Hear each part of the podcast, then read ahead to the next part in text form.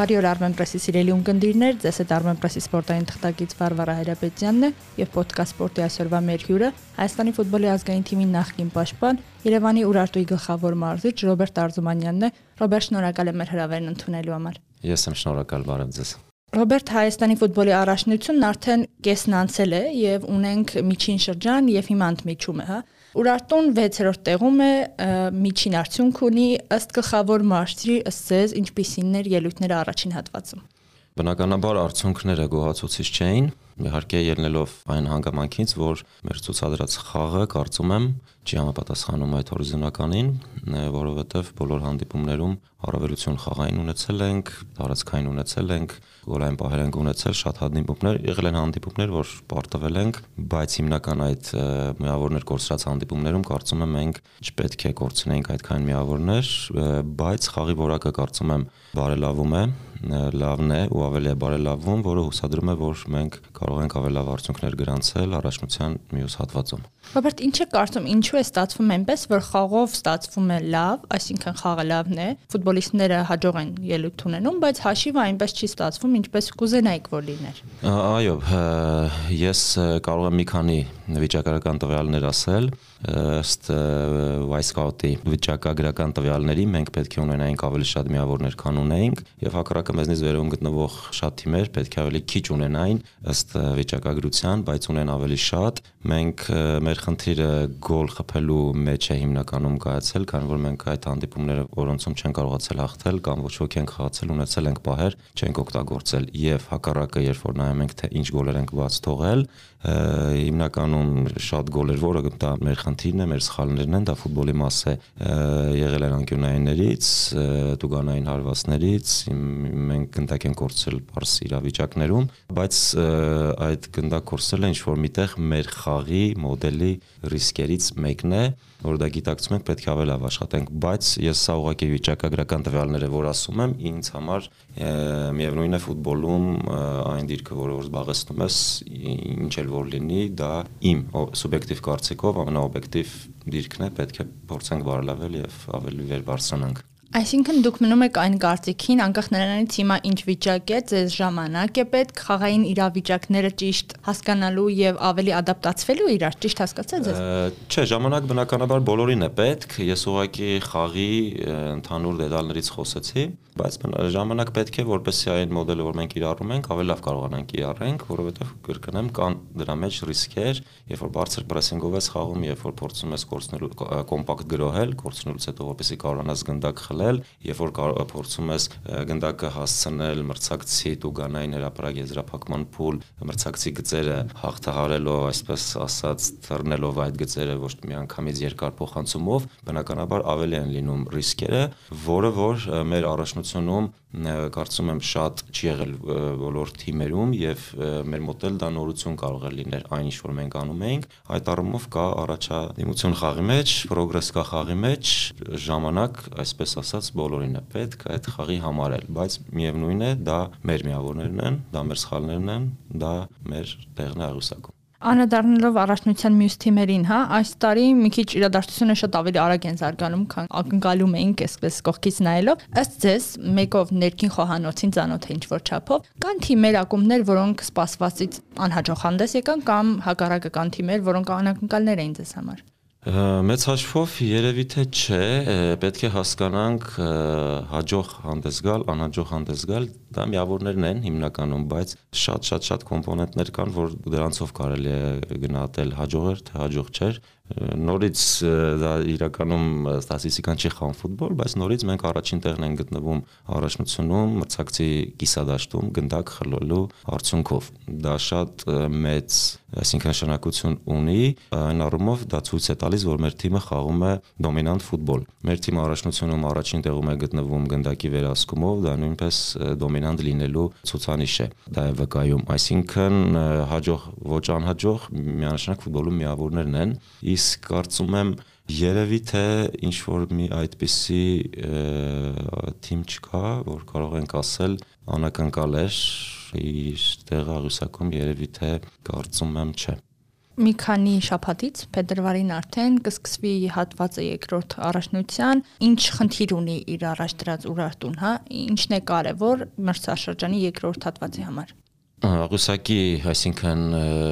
տիտղոս նվաճելու առումով այն մրցաշարերը, որոնք որ կան, բնականաբար երկուսն էլ կարող են ամեն խաղը հաղթելն է կարևոր, բայց այս պահին մեզ մոտ ավելի ռեալ են հնարավորությունները գավաթ հաղթելու, քանի որ կիսայզրափակչում ենք։ Առաջնությունում փորձելու ենք ամեն խաղը հաղթել, ինչքան հնարավոր է վեր բարձրանալ եւ այս պահին պետք է ավելի իրատես լինել եւ նպատակը այս պահին հասնել երրորդ հորիզոնականում գտնվող թիմին։ Այդ երկու նպատակներն են այս պահին։ Ռոբերտ Ուրարտուն այն բացառիկ ակումբներից է, որ ունի ակադեմիա եւ տարիներ շարունակ հավաքականի համար այսպես հիմնասյուներից մեկն է եղել։ Հիմա որ աշխատում եք արդեն թիմի հետ եւ ծանոթ եք ակադեմիայի ներուժին, հա, ինչ ապագա ունի ակադեմիան Ուրարտուի եւ արդյոք կա սերունդ, որը կգա մի ժամանակ, որ կձևավորի հավաքականի կորիզը ժամանակները կարծում եմ ինչ որ ինչ որ միտեղ փոխվել է, երբ որ ժամանակին կորիզը կազմում էր Փյունիկը, դա ժամանակն էր թելադրում, կարծում եմ, երկու ակադեմիա կար այդ ժամանակ Ուրարտուն եւ Փյունիկը եւ Փյունիկն էր այդ ժամանակ դոմինանտը եւ ավելի շատ այնտեղից են եւ պետք է հաշվի առնենք, որ մենք արտասահմանում այդ ժամանակ չունեինք այդ չափ քանակի ֆուտբոլիստներ, որքան հիմա եւ կարծում եմ դա ճիշտ էլ չէ դա լինի Ուրարտուն թե մյուսը երբ որ մի երկրի մի առաջնությունում ինչ որ հավաքականում գերակշռում են մեկ ակադեմիայի ֆուտբոլիստները բայց դա բնականաբար մեր խնդիրն է մեր ցանկությունն է մեր նպատակն է որ ինչքան հնարավոր է Ուրարտուից շատ ֆուտբոլիստներ լինեն հավաքականում դա ցույց է որ ակադեմիան է ճիշտ աշխատում երկրորդ թիմն է ճիշտ աշխատում եւ գլխավոր թիմն է ճիշտ աշխատում բայց մրցակցությունը ավելի է մեծացել եւ ավելի է դա բարթացել միանշանակ ներուժ կա պետք է ավելի ֆուտբոլը շատ արագ է փոխվում, ամեն անգամ ճիշտ աշխատել, թե մանկապատանեք կան, թե արդեն ավելի տարեկով երկրորդ առաջին թիմում, որպեսի որպես ինչքան ավելի շատ լինեն։ Դա մշտական աշխատանք է։ Համալրումներ կլինեն Ուրարտույում ակադեմիից կամ այլ տեղերից։ Մեզ միացել է մեր Ուրարտուի ֆուտբոլիստը, որ երկու տարի գտնվում էր ԲԿՄԱ թիմում, Արմանը Ղազարյան վերադարձել է։ Ունենք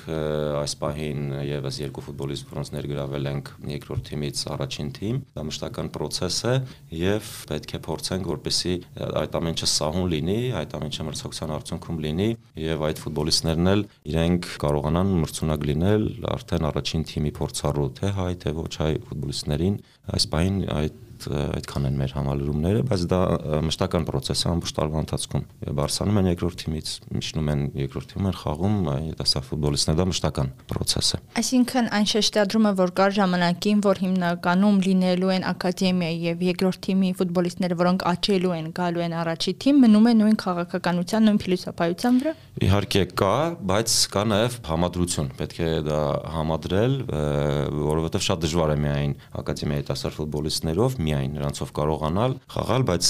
մեր սաներն այս տարի կարծում շատ լավ հանդես եկան երիտասարդ ֆուտբոլիստները, բայց դա պետք է լինի կրկնեմ խելամիտ համադրությամբ եւ եւս մեկ անգամ կրկնեմ մրցակցության արդյունքում Ռոբերտ, վստահ եմ, որ տարիներ շարունակ հետևել եք միջև մարշչական աշխատանքին ասել Հայաստանի առաջնությանը եւ վերջի տարիներին հատկապես առաջնություն իսկապես աճ ունի, հետաքրքրություն ունի եւ այլն եւ այլն, բայց ակումբների հետ կապված խնդիրները շարունակում են մնալ, հա, օրինակի համար այս մրցաշրջանում Սևանը որոշեց դուրս գալ, իհարկե խնդիրները իրենց եւ ֆեդերացիայի միջև են, դա չէ հարցը։ Ինչ ապագա է սպասվում նմանատիպ առաջնությանը, ինչպիսին Հայաստանինն է չեմ կարող ասել, մի քիչ երևի թե հիմիկվա տենդենս ինչ որ կա, դժվար է երբ որ կա մեկ հովանավոր է, մեկ մարդ է ակումբի սեփականատերը, որտեվ կախված է նրանից, նրա ֆինանսներից, թե ինչպես կլինի նրա անձնական բիզնեսը եւ դա կարող է ազդել եւ չազդել։ Այդ թիմի վրա պետք է պետք է փոխվի, պետք է շատ հովանավորներ լինեն, պետք է ակումբը տարբեր տեղերից կարողանա եկամուտներ բնականաբար ձեռ բերել, շատ կան խնդիրները, բայց պետք է այնպես լինի, որ մարզերում լինեն թիմեր ամեն ամեն ակումբը ունենա իր մարզադաշտը, ամեն ակումբը այդ ժամանակ ունենա երբ որ մարզերից են իրենց երկրպագուները այդ ժամանակ արդեն հետաքրքրություն կլինի եւ կարելի ավելի զարգացնել մենեջմենտը, լավացնել, դա կարծում եմ ինչ որ հիմա կա ցանկալի չէ, դա ունի ռիսկեր։ Շատ երկար տարիներ խոսվում եւ քննարկվում է այն մասին եւ ֆեդերացիան իհարկե այդ թեզը առաջ քաշել, որ Հայաստանին պետք է պրոֆեսիոնալ լիգա։ Ըստ ձեզ Հայաստանին պետք է պրոֆեսիոնալ լիգա։ Չեմ կարող պատասխանել այդ հարցին, նախ նրա համար որ այդքան էլ չեմ խորացել դրա դրական եւ բացական կողմերի վրա, բայց յուրաքանչյուր բան անելուց առաջ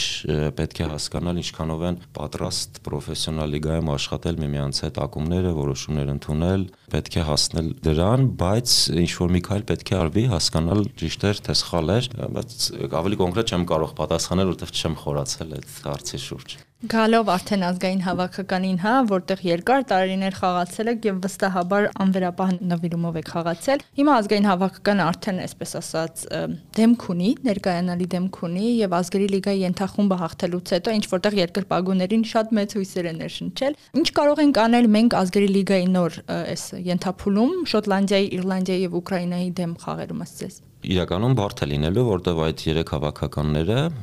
նրանք կայուն հավաքականներ են, նրանք ֆուտբոլիստներ միշտ ունեն կայուն բարձրակարգ լիգաներում, չեն կարող ասել, որ top հավաքականներ են, մենք top հավաքականների հետ ենք կարողացել լավ խաղալ, լավ արդյունք գրանցել, այսինքն մենք կարող ենք այս հավաքականների հետ էլ, բայց այստեղ ամենակարևորը կայունությունն է, որպեսզի կարողանանք այդպիսի հավաքականներ պայքարել, բայց միանշանակ մենք ունակ ենք պայքարելու, պետք է ամեն խաղը ճիշտ պատրաստվել եւ փորձել ամեն խաղ հաղթել, բայց կրկնեմ հեշտ չի լինելու, որովհետեւ նրանք ուժեղ ֆուտբոլիստներով եվրոպական հավաքականներ են այլ մակարդակի։ Ռոբերտ մի պահ հետ նայելով, հա, աշխարհի առաջնության ընտրական փուլի նախորդ այդ հատվածում որակավորման փուլում մենք ունենք առաջի 3 խաղերից հետո 3 հաղթանակ եւ հաջորդ փուլը, այսպես ասած, ճագերտավոր տապալեցինք։ Ըստ ձեզ հիմա հետ նայելիս որպես մասնագետ, որպես առանցքացմունքայնության այդ ամենին նայող, ինչն էր թերությունը եւ որտեղ մենք բաց թողում ունեցանք շատ շատ շատ կարող են լինել պատճառները բայց չփորձելով մեր հավաքականի այդ արդյունքները բնավ չնեսեմ մասնելով, որտեղ իրականում արժան են եղել թե հաղթանակներին, թե արժան են եղել պարտություններին, բայց իմ կարծիքով այն հավաքականները, որոնք մեզ հաղթեցին, նրանք խաղադաշտում ավելի համակցված եւ ավելի թիմային խաղային խամ եւ ավելի լավ գիտեին, թե դաշտում ինչ կարող են անել տարբեր իրավիճակներում հաղթելիս, պարտվելիս, գրոհելիս։ Մենք էլ ունենք, բայց նրանց մոտ թիմային խաղը իմ կարծիքով վերջին խաղերը նույն Մակեդոնիա շատ լավ տպավորություն թողեց Հայաստանում Ռումինիան էլ շատ լավ հավաքական էր, ավելի, այսպես ասած, թիմային խաղով ավելի պատրաստված էին իմ կարծիքով, որը մեզ մոտ այդ խնդիրները երևացել էին իրականում, նույնիսկ այդ հաղթած խաղերի ժամանակ, որ թիմային խաղի մենք խնդիր ունենք։ Երևի դա երբ որ ինչ որ խնդիրներ լինեն լինում են, երբ դու տարբեր իրավիճակներում ավելի մեծ խնդիրներ ես ունենում, դա երկար մրցաշարի ընթացքում միշտ ինչ որ միտեղ դուրս է գալիս։ Դա ցույց տվեց մի քանի խաղ Լիխտենշտայն Ուկրաինայի հետ, Մակեդոնիայի հետ, որ թիմային խաղը պակասում էր։ Հիմա արդեն որպես մարզիչ, հա, նայելով Կապարոսի աշխատանքին արդեն բավականին երկար ժամանակ Հայաստանում է, ինչ է փոխում կամ ինչ է փոխել հավաքականում Կապարոսը, որ ճունենք մինչ այդ եւ ակնհայտ նրա ներկայությունը, նրա հարգանքը նրա նկատմամբ բացարձակ ուրիշ է։ Ինձ համար ամենակարևորը այն է, որ իրոք դա միայն բառեր չեն, որ միշտ էլ ասվել է, այս անգամ Կապարոսը եւ իր մարշչական շտաբը մանրակրկիտ յուրաքանչյուր տեխնացուի իրանք վերլուծել են, յուրաքանչյուր տեխնացուի հայ ֆուտբոլիստի յուրաքանչյուր ուժեղ եւ թույլ կողմերն իմացել են եւ բաց է եղել իրանց մոտ լրիվ դաշտը եւ մենք տեսել ենք, որ շատ տարբեր ֆուտբոլիստներ տարբեր խաղերի հրավիրվում են, առաջինը դա քանակ ներ ֆուտբոլիստների, որ շատացրեց, ֆուտբոլիստների հայ կոնկրետ յուրաքանչյուր ֆուտբոլիստի մոտ հույս եղավ, որ նա լավ խաղալու դեպքում չի վրեպելու իրենց աչքից ինչ լիգայում էլ որ խաղա, որտեղ էլ որ խաղա, ինչպես որ եղավ օրինակ առաջին լիգա Շաղանի հրավերը կամ ուրիշ առաջնությունից, այսինքն այդ առումով մրցակցություն մցրեց, ֆուտբոլիստներին մոտիվացրեց յուրաքանչյուր հայ ֆուտբոլիստի եւ արդեն ով հրավիրվում է յուրաքանչյուր խաղից առաջ իմ կարծիքով ես այնտեղ ներսում չեմ, բայց մոտիվացիան իմ կարծիքով նա շատ բարձր մակարդակի վրա կարողանում է պահել եւ որոշ ֆուտբոլային իհարկե դետալներ, որը որ պետք է ավելի մանրակրկիտ վերլուծել, տեսնել ինչ է փոխել, բայց բնականաբար ֆուտբոլային առումով էլ կարողացել ինչ որ դրական փոփոխություններ անել տարիներ շարունակ, այսինքն Յուրա Մովսիսյանի հեռանալուց հետո ակնհայտ էր անձեն աչքով էր երևում էր, որ հավաքականը առաջ քաշված հարցակվողի պակաս ունի։ Հիմա մենք նախորդ մի քանի խաղերին տեսանք Սելարայանին, ինչ տպավորություն նախ ստացակ իրենից, որովհետև MLS-ում լավագույններից մեկն է, բայց MLS-ը դա այն մակարդակի ֆուտբոլը չէ, ինչ որ սովորաբար տեսնում ենք Եվրոպայում, եւ արդյոք մեզ պետք է, այսինքն ակադեմիաներին պետք է շեշտադրել ավելի շատ օրինակ դարպասապայի դիրքի ֆուտբոլիստի զարգացնելու կամ առաջ քաշված հարցակվողի Զարգացնելը ընդհանուր պետք է լինի, պետք է ակադեմիաներում յուրաքանչյուր թիմերը իմանան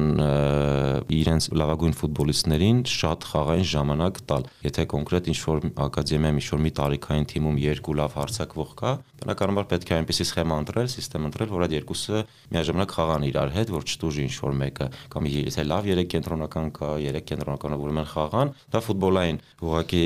դետալներ են, բայց պետք է յուրաքանչյուր դիրքի համար փորձել, պատրաստել, բնականաբար մենք ունենք այդ խնդիրը միշտ դարպասապայի եւ հարցակվողի դարպասապայի մեր մոտ այսպես ասած դպրոցը այդքան էլ միշտ ավանդաբար լավը չեղել իսկ հարցակվի խնդիրը ամբողջ աշխարհում է որ հարցակվողները ավել բարդ է ավելի լավ հարցակվող լինել բայց պետք է աշխատել եւ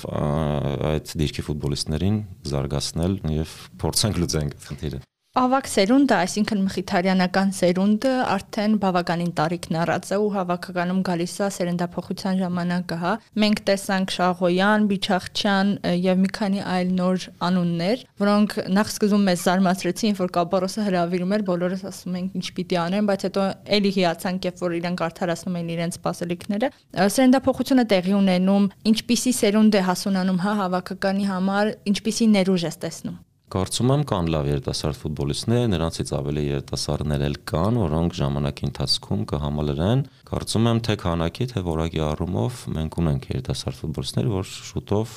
արդեն կարող են փոխարինել, բայց պետք է նրանք նախ իրենց ակումբներում, որտեղ որ խաղում են, կարողանան այնտեղ առաջադիմել, որպեսզի նոր հավաքական հրավիրվել։ Ավելի շատ խնդիրը ամեն ֆուտբոլիստի իր ակումբում առաջադիմելու, խաղալու մեջ է այդ պարագայում, երբ որ շատ խաղան, շատ խաղաժամանակ ստանան, իրանք կարողանան ավելի լավ մակարդակով ներկայանալ, բայց սերունդ ունենք Ռոբերտ, եւ որպես եզրափակում, հա, չես կարոտում արդյոք հավաքականի հավաքականում խաղալը, հավաքականի մարզաշապիկ գրելը եւ այդ ժամանակները։ Անկեղծ ասած չէ։ Անկեղծ ասած չէ, երբ որ նոր էի երևի թե հեռանում ֆուտբոլից մի քիչ կար որ այդ զգացողությունը որ ֆուտբոլիստ եմ բայց անկեղծ ասած այս